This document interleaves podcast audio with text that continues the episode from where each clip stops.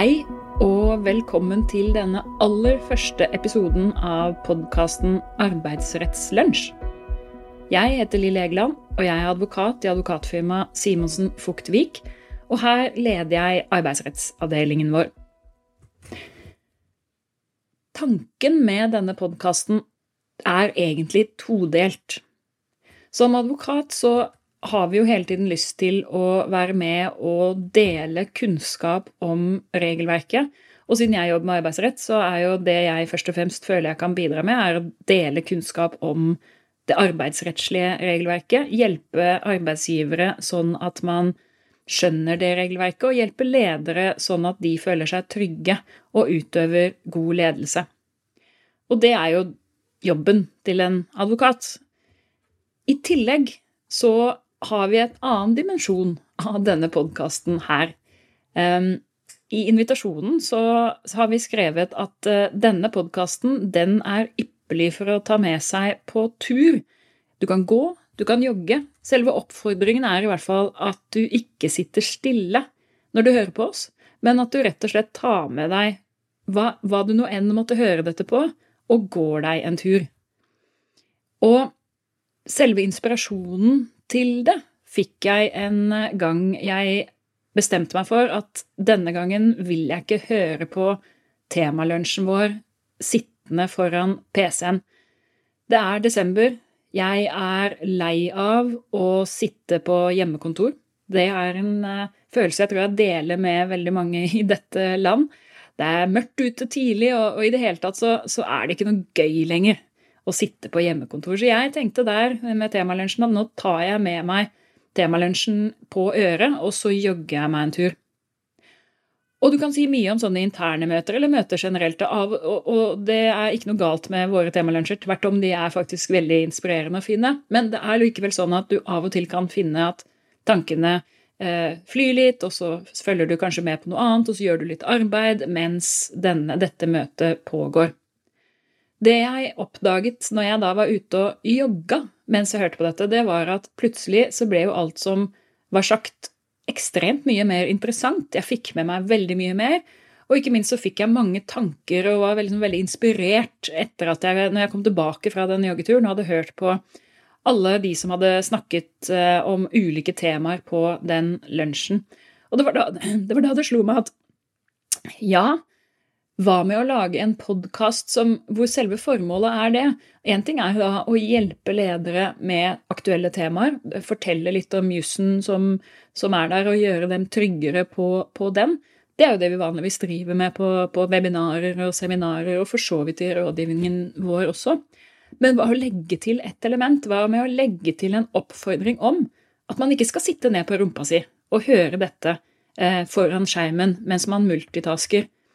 Hva med at du heller nå, hvis ikke det allerede har gjort det, reiser deg opp, tar på deg skoa, og så går du ut. Trenger ikke å jogge, du kan bare gå en tur mens du hører på denne faglige oppdateringen på et tema som kanskje er interessant for deg.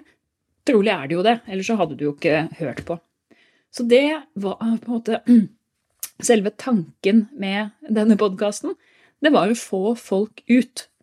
Og de av dere som da ikke har tatt oppfordringen ennå, men som har logga dere på og ser på videolinken, vil se at jeg har lagt ut en, et hvilebilde som, som, hvor jeg har limt inn noe som for meg har vært veldig inspirerende. En bok som heter Hjernesterk. En bilde av det, en, av en professor i psykiatri som heter Anders Hansen. Han har samlet sammen veldig mye forskning som viser alle de forskjellige typer positive effektene som fysisk aktivitet har på hjernen. Og summen av det hele vet vi jo egentlig selv. Vi vet jo eh, hvor mye mer glad og fornøyd vi ofte kan være etter å ha rørt litt på oss i forhold til å ha sittet i sofaen og spist potetgull. Og det er jo ganske logisk også, som det står eh, på denne eh, avisartikkelen som jeg har limt inn, så står det at det som skjer umiddelbart, er at det blir mer blod til hjernen. Blodtilførselen øker med 20% Når jeg går meg en tur, har jeg 20% mer blod i hjernen. Det er som en bil som får mer drivstoff. Den fungerer bedre, mener han. Så oppfordringen er veldig klar på denne podkasten her. Kom deg ut, gå på tur, få litt sollys, og kanskje kan vi da i sum hjelpe til at livet blir litt enklere, litt bedre, og i tillegg så har du kanskje lært noe. Og så har det også vært et, et slags tredje element eh, i den tanken jeg har hatt om at eh, det hadde vært gøy å lage en podkast. Jeg husker når korona, førstebølgen kom av korona, så var jo det en vanvittig stressende tid for oss alle. Og som arbeidsrettsadvokat så fikk vi jo ekstremt mange henvendelser fra ganske fortvilte arbeidsgivere som sto i en helt ny situasjon. En helt eh, unprecedented, som det heter på godt, godt, norsk, situasjon. Hvor også regelverket utviklet seg nesten fra dag til dag. Og hvor vi måtte si ting som ja, ja, sånn er det nå, men nå kommer det jo en pressekonferanse om, om to timer, så vi vet jo ikke helt hvordan det blir eh, senere.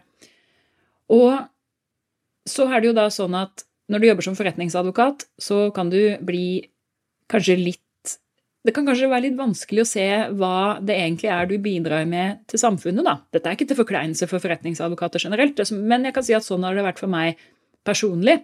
Og så ble det likevel sånn under denne første bølgen av korona at plutselig sto det så tindrende klart for meg at selv som forretningsadvokat så kan du faktisk bidra med noe som er veldig eh, nyttig og bra for samfunnet. Nemlig å sørge for at folk har riktig kunnskap om de reglene som gjelder til enhver tid. Og med folk så mener jeg først og fremst arbeidsgivere og ledere, for det er jo de jeg først og fremst bistår. Men det å hjelpe arbeidsgivere og ledere å skjønne regelverket, det er jo ikke noe rått og kynisk eh, i det. Tvert om så er det å kunne bidra til at arbeidsplasser opprettholdes, til å bidra til at hjulene holdes i gang, og til at arbeidstakere har et sted å gå til og jobbe. Så, så det ble plutselig veldig tydelig at det å formidle kunnskap om jussen, det er faktisk veldig verdifullt. Og, og, det er også et element da i denne beslutningen om at la oss nå kjøre en podkast som fokuserer på viktige temaer som arbeidsgivere trenger å vite noe om. I første omgang så eh, kommer vi til å begrense oss til å kjøre ukentlig i den perioden hvor vi alle sitter på hjemmekontor, og kanskje litt lenger. Men formålet er jo da både å gi dere denne eh, kunnskapsboosten, men også få oss alle ut på tur for å klare å komme oss gjennom denne perioden her.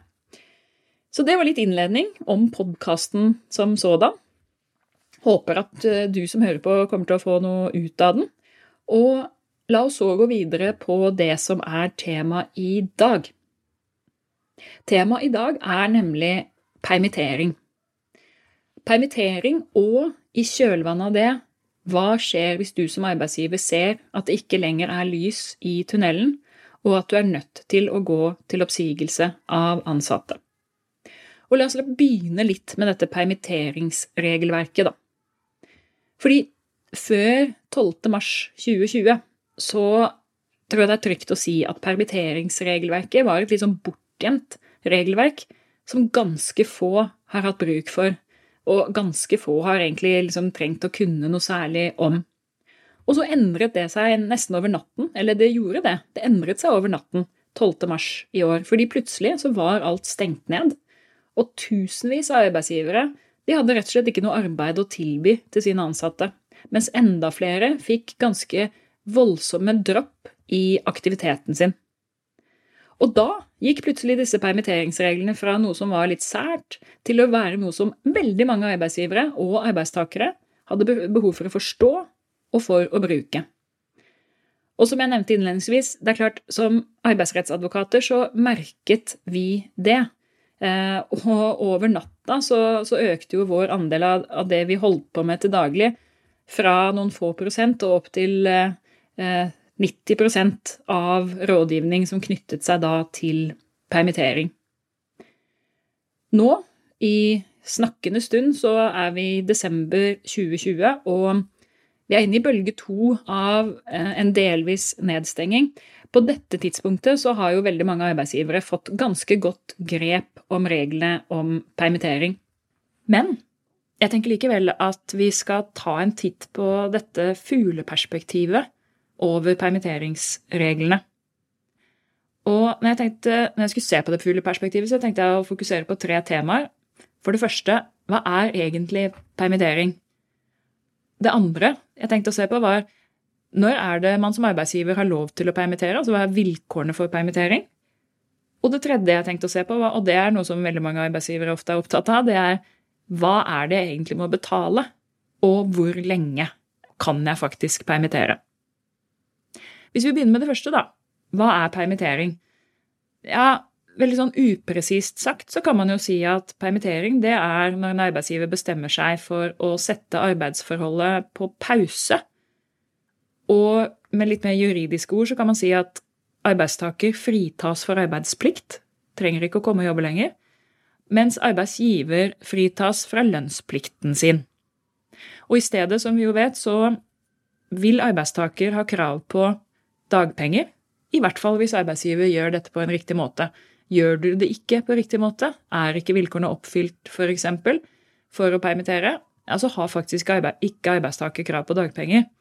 Og da kan du som arbeidsgiver sitte i en situasjon hvor du må betale lønn der du trodde du kunne permittere. I dag så tenkte jeg at vi ikke skal snakke om vilkårene for dagpenger og hva arbeidstaker har krav på. Siden dette er et mer sånn fugleperspektiv, så tenker jeg la oss fokusere på de to neste temaene jeg sa jeg skulle si noe om, nemlig vilkår, hva er det som skal til, og hvor lenge kan man permittere. Og la oss begynne med det. Hva er det som er vilkåret for å permittere? Når er det lov? Som jeg sa, så er jo regelverket bundet i tariffavtalen, altså hovedavtalen mellom LO og NHO. Og i den avtalen så står det at vilkåret for å kunne permittere, det er at det foreligger saklig grunn. Og de ordene gir jo ikke mye i seg selv, akkurat som det ikke gir så veldig mye når man leser arbeidsmiljøloven om når man kan si opp. Der står det også at det må være saklig begrunnet. Um, NHO har skrevet en veiledning til denne hovedavtalen, og der kommer de med en formulering som er ganske, i hvert fall for oss jurister, da, ganske god, for der sier de at det foreligger saklig grunn når arbeidsgiver for en begrenset periode ser at arbeidstakeren ikke kan beskjeftiges på en for bedriften forsvarlig måte. Jeg er enig i at det også er litt juridisk, men la oss bryte det ned da, og se når er det egentlig man kan permittere. Jo, det første som må være oppfylt, det er at situasjonen er midlertidig. Man må som arbeidsgiver eh, kunne se lyset i tunnelen på et eller annet tidspunkt. Det er ikke nødvendig at man kan tidfeste det og si at ja, når det nå har gått en måned, så vet vi at vi er på beina igjen. Men det må også være da sånn at selv om ikke du kan vite helt når det skjer, så må du ha tro på at ting vil ta seg opp igjen. At dette ikke er en permanent situasjon. Fordi er det en permanent situasjon, da står du i en nedbemanningssituasjon og ikke i en permitteringssituasjon. Så det må være midlertidig. Og det andre hovedvilkåret, det er at det må være arbeidsmangel. Altså i praksis da, så er det et hovedvilkår. Det må være mindre å gjøre i virksomheten. Og det ligger i dette jeg sa om at, at arbeidstakeren ikke kan beskjeftiges på en for bedriften forsvarlig måte. Så det må rett og slett være mindre å gjøre. Og det har en side til et spørsmål som veldig mange arbeidsgivere kommer til oss med, nemlig ja, nå må vi permittere. Fordi jeg har altså nesten ikke noe penger igjen i kassa, eller nå tjener vi ikke nok penger. Og da må jeg rett og slett eh, ut med noen på permittering. Og da sier vi alltid til arbeidsgiver at det er i seg selv ikke nok. Det er altså ikke tilstrekkelig at eh, arbeidsgiver vil spare penger. Det er nødvendig at det er et arbeidsbortfall i virksomheten for at man skal kunne permittere. Så hvis man eh, da velger å permittere uten at man har fortsatt like mye å gjøre som før, det er bare at man tjener mindre, kostnadene høyere, høyere eller annet, ja, da er ikke den, da er ikke den permitteringen gyldig. Og det første du vil oppleve da, det er at hvis Nav går inn og ser på det, så vil eh, de ansatte ikke få dagpenger. Og det andre du kan oppleve, er at du får en tvist på spørsmålet om permitteringen er gyldig. Så det må altså være arbeidsmangel, og situasjonen må være midlertidig. I tillegg så pleier jeg å gi det rådet at man bør drøfte med tillitsvalgte. I noen situasjoner er det påkrevet, eh, f.eks. hvis du har tariffavtale, eller hvis du er mer enn 50 ansatte. Men også de gangene der det ikke er eh, nødvendig sånn strengt takt juridisk, så anbefaler jeg å gjøre det. Og grunnen det er at hvis du har en enighet med tillitsvalgte om at det er grunnlag for permittering, du har en protokoll som sier det, hvor de tillitsvalgte sier at ja, det er vi enige, da vil Nav legge til grunn at vilkårene for permittering er oppfylt. Eh, og at, at vilkårene for dagpenger er, er, oppfylt, og sånn at arbeidstaker har krav på dagpenger, og at det ikke blir et tema. Så kan du, så vil jeg anbefale sterkt at du også da drøfter med tillitsvalgte og oppnår enighet om at vilkårene er oppfylt. Så det var, det var vilkårene hva skal til for å permittere. Så kommer neste spørsmål, da. Hva er det man som arbeidsgiver egentlig må betale hvis man står i en situasjon hvor man skal permittere? Ja, da er det noen begreper vi må få koll på, og, og som er lett å liksom snuble litt i. Det ene begrepet, det er varslingsfrist. Og varslingsfristen, det er den eh, fristen du har som arbeidsgiver på å si fra til arbeidstaker at du, nå blir du permittert. Det hele begynner med at du sender et permitteringsvarsel som inneholder eh, viss informasjon om, eh, om, permitteringen. Og så begynner varslingsfristen å løpe fra neste arbeidsdag. Og da er hovedregelen, og den gjelder nesten alltid, at varslingsfristen er 14 dager. Og da snakker vi altså kalenderdager. Det går 14 dager fra du gir permitteringsvarselet og til arbeidstakeren går hjem og ikke lenger er på jobb. Og i den perioden så betaler du som arbeidsgiver full lønn, og arbeidstaker utfører arbeid som vanlig. Så vet vi jo at under de første dagene av koronaepidemien i mars 2020 så var det veldig mye snakk om eh, den såkalte todagersfristen. Og veldig mange virksomheter satt satte i gang å permittere med en to dagers varslingsfrist. Og det er faktisk sånn at For veldig mange av disse virksomhetene så var dette en lovlig varslingsfrist, fordi det fins et unntak som igjen følger av hovedavtalen mellom LO og NHO, som sier at hvis man står i en situasjon hvor det er en naturkatastrofe eller en, en voldsom uforutsett hending, og f.eks. da eh, vil vi advokater si en koronapandemi hvor myndigheten bestemmer, myndighetene bestemmer at man skal stenge ned samfunnet, sånn at det plutselig f.eks. ikke er mulig å drive restaurantdrift eller frisørdrift osv. Ja, det er en typisk situasjon hvor man vil kunne permittere med to dagers varsel. Men det er altså en unntaksregel, og der vi står i dag, i desember 2020, så skal det mye til før man kan argumentere med at det er to dager som gjelder. Jeg tenker at eh, når, når koronatiltakene ble strammet til eh, mot midten av november, og man bestemte seg for en sosial nedstenging av Oslo f.eks., så kunne man nok tenke seg en argumentasjon rundt to dagers varsel for enkelte virksomheter, f.eks. restaurantvirksomheter da, som fikk omsetningen sin mer enn halvert og sikkert ned mot eh, null eh, ganske raskt. Muligens kunne man da snakke om to dager. Men for oss, de aller fleste, så er det altså 14 dagers varslingsfrist som gjelder. Så det er det første vi har etablert, at eh, som arbeidsgiver så har du altså en lønnsplikt i 14 dager, og da har du også arbeidstakere som jobber for deg. Så har 14 dager gått, og da begynner det man kaller arbeidsgiverperioden.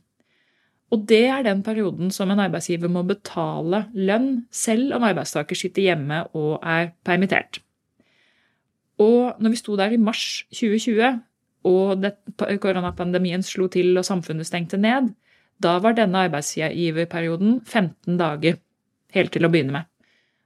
Det er altså da 15 dager hvor arbeidsgiver må betale lønn og arbeidstaker fortsatt sitter hjemme, og man får ikke noe igjen for den arbeidsytelse, for det, det er altså ingen arbeid fra, fra arbeidstaker. Så så jo eh, myndighetene raskt at hvis alle disse virksomhetene som nå står uten inntekt eh, og med så høy lønnskostnader som 15 dagers lønn eh, for sine ansatte, så er det veldig mange som vil gå over ende og gå konkurs. Så som et ledd i koronatiltakene så endret man på denne arbeidsgiverperioden. Og fra 20. mars så satte man den ned til to dager. Det betyr at for veldig mange av de som var hardt rammet i, i mars og april, så kunne man ha en varslingsfrist på to dager fordi det var koronatiltak, og så en arbeidsgiverperiode på to dager, altså en betalingsforpliktelse på totalt fire dager. Eh, og det var som sagt et, et, eh, et, ledd i å sørge for at virksomheter holdt seg levende eh, i en helt kritisk periode. Fra 1.9.2020 så har man endret på den arbeidsgiverperioden igjen. Nå er den ikke lenger to dager. I skrivende sittende stund så er den altså ti dager. Så hvis du skal permittere i dag, så er det en 14 dagers varslingsfrist. Og så har du en periode på ti dager hvor du betaler lønn selv om arbeidstaker ikke utfører noe arbeid. Og disse ti dagene, det er arbeidsdager. Og så kommer neste spørsmål, da. Ja, hvor lenge kan man permittere, da? Hvor lenge kan folk være ute i permittering? I mars, tilbake til det igjen, så var det i 26 uker i løpet av 18 måneder. Så har vi hatt noen sånne type forlengelser for arbeidsgivere som har hatt folk ute i permittering, rett og slett for å unngå altfor mange oppsigelser i, i, Norges land som en følge av eh, korona. Og fra 1.11.2020 så har man utvidet den adgangen man har til å permittere, til totalt 49 uker. Så skal du permittere nå, så er det altså eh, en maksperiode på 49 uker hvor arbeidstakere kan være permittert. Så er det en liten ting å huske på som, som er relevant for hvor mye du må betale som arbeidsgiver, fordi fra 1.1.2021 så innfører man noe som heter arbeidsgiverperiode 2. Det innebærer at hvis du har ansatte som har vært permittert i 30 uker i løpet av en periode på 18 måneder, så gjeninntrer det en plikt til å betale lønn i ytterligere fem dager. Så da får du en femdagers lønnsplikt, fem kalenderdager. Og så, når da den arbeidsgiverperiode to er betalt, så går man over igjen på dagpenger som arbeidstaker, og du som arbeidsgiver betaler ikke eh, mer. Og så har man ytterligere 19 uker. Så du har altså 30 uker først, så får du en femdagers betalingsplikt, og så går de over på dagpenger igjen. Totalt 49 uker eh, som man da kan eh, være permittert. Og så er det jo viktig da å huske på at i hele denne perioden hvor du som arbeidsgiver har folk ute på permittering, så plikter du å vurdere om vilkårene grunnvilkårene for permittering er oppfylt. Det må være midlertidig, og det skal være bortfall av aktivitet. Og hvis du på et eller annet tidspunkt, selv om det har gått mindre enn 49 uker, hvis du ser at ja, nå er ikke denne situasjonen midlertidig lenger, den er permanent, da er vi over i en situasjon hvor du må vurdere nedbemanning i stedet for å fortsette på permittering. Og det bringer oss jo over på tema to for dagen, nemlig du er der at du ser ikke lys i tunnelen lenger. Det er nødvendig å nedbemanne. Hvordan skal du gjøre det? Skal du, hvordan skal du tenke i en sånn situasjon? Ja, og da Jeg tenker jo at da er det fire ting som, som jeg vil fremheve som er viktig for deg som arbeidsgiver.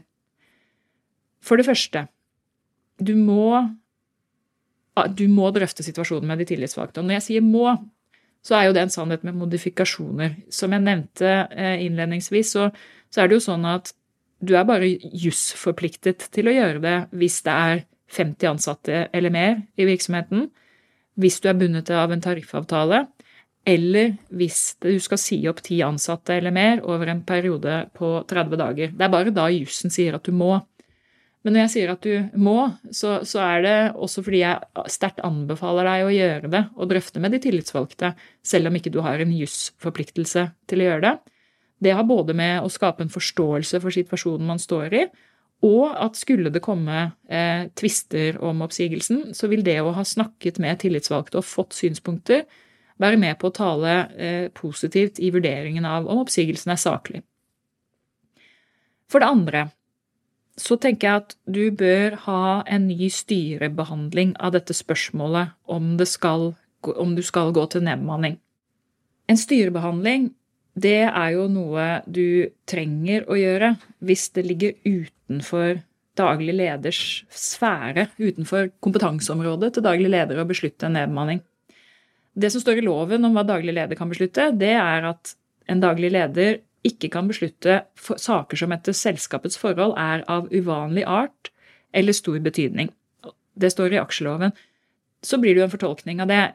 Min eh, tommelfingerregel er at er du i tvil om dette er noe som ligger innenfor daglig ledersområde, eller om det skal i styret, ja, så velger du styret for å være sikker på at det er rett organ som beslutter denne nedbemanningen. Og da er poenget når det gjelder forholdet til permittering, at selv om du da har en beslutning fra styret om at du skal i gang med permittering, så betyr det ikke at du har en beslutning om at du skal i gang med nedbemanning. Med andre ord, kommer du da i den situasjonen at nå er det permanent, denne eh, vanskelige situasjonen vi står i, ja, da eh, setter du det til styret og, og får styret til å fatte vedtak om nedbemanning. Det tredje punktet jeg tenkte jeg skulle si noe om, det var utvelgelsesprosessen. Jeg har nemlig sett ganske mange eksempler på at arbeidsgivere da har hatt ansatte permittert over en kortere eller lengre periode. Så skal arbeidsgiver i gang med nedbemanning, og så går man uten videre i gang og nedbemanner de personene som har vært permittert. Og det du skal ta med deg, kanskje noe av det viktigste du skal ta med deg fra denne podkasten, i tillegg til å komme deg ut på tur, det er at velger du bare sånn uten videre de ansatte som har vært permittert, da kan du være rimelig trygg på at en oppsigelse vil være usaklig eh, hvis du får en dom i retten på det. Og grunnen til det det er at det er forskjell på de prinsippene man bruker når man velger ut hvem det er som skal permitteres, i forhold til de prinsippene man bruker når man velger ut hvem som skal sies opp. Vi har jo ikke vært inne på reglene om hva som skal til for å, hva som er saklig utvelgelse av permitterte ansatte, men der kan jeg kort si at der har man større grad av fleksibilitet til å kunne håndtere og ivareta de oppgavene som selskapet står overfor under denne midlertidige perioden, enn det man har når man skal velge ut hvem som skal nedbemannes. Når du skal velge ut permitterte, så behøver du ikke å legge like stor vekt på ansiennitet.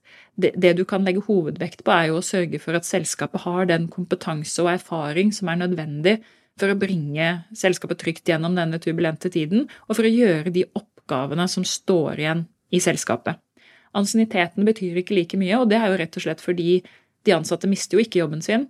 De ansatte eh, får dagpenger og har et krav på å komme tilbake når permitteringsgrunnen opphører. I nedbemanning, derimot, så står du jo i en situasjon hvor du må ha saklige utvelgelseskriterier. Det gjelder uansett om du er bundet av tariffavtale eller ikke, og utvelgelseskriterier som som som sagt skiller seg fra, fra de du bruker i permitteringssituasjonen. Det er mye større vekt på ansiennitet i en nedbemanningsprosess enn det du vil oppleve i en permitteringsprosess.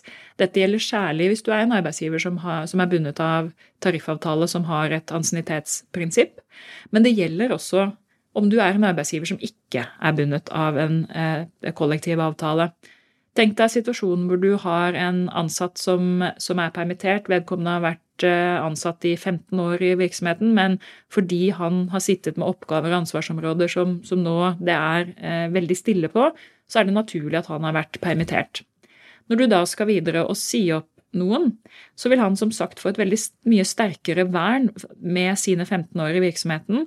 Og hvis du holder han opp mot en person som har jobba der i to-tre år, så eh, er det ofte vanskelig å argumentere for at den personen med 15 års ansiennitet er den som skal gå. Veldig ofte så vil vedkommende dytte ut personen med to til tre års ansiennitet hvis det er snakk om en eh, arbeid, gjenstående arbeid da, som denne 15 års eh, ansiennitet-personen kan utføre, i hvert fall etter en viss opplæring. Og Det er bare et eksempel, men det, viser, det er likevel sånn at det illustrerer poenget. Du må altså ikke finne på å bare velge ut de som er permittert når du skal nedbemanne. Du må gjøre en helt selvstendig vurdering som om du ikke hadde hatt noen permitterte, og så må du gjøre en grundig prosess knyttet til utvelgelsen av hvem som må gå. Og det fjerde som jeg tenker at det er viktig å få med seg, det er at har du hatt en permitteringsprosess du har ansatte ute eh, på permittering, og så eh, ser du at det ikke er lys i tunnelen og at du må nedbemanne. ja, da er jo ikke lenger vilkåret for permittering oppfylt. Det betyr at når du da går i gang med den nedbemanningsprosessen, så må du rett og slett hente tilbake de ansatte eh, som du velger å si opp. Eh, og, og, det betyr at f.eks. i en oppsigelsestid så kan du ikke ha ansatte ute på permittering. Eh, hvis du har sagt dem opp, så skal de inn igjen. De skal utføre arbeid, de skal ha lønn i oppsigelsestiden. Og så, eh, eh hvis de da ikke går til søksmål mot deg og krever å stå i stilling, så er da arbeidsforholdet avsluttet ved utløpet av oppsigelsestiden. Men det er altså ikke sånn at du kan ha folk stående permittert når du først har gått til den beslutning at du må nedbemanne. Det var hovedelementene i det jeg tenkte at vi skulle snakke om i dag. Første episode av Arbeidsrettslunsj eh, er i ferd med å ta slutt. Jeg håper at du både har fått med deg litt sånn overordnet eh, juridisk, og ikke minst så håper jeg at du har vært ute og gått på tur og fått lys og litt mosjon, og at tankene nå er friske og spreke, eh, sånn at du kan fortsette å jobbe litt til før arbeidsdagen er over. Og så håper jeg vi høres igjen om en uke. Ha det bra!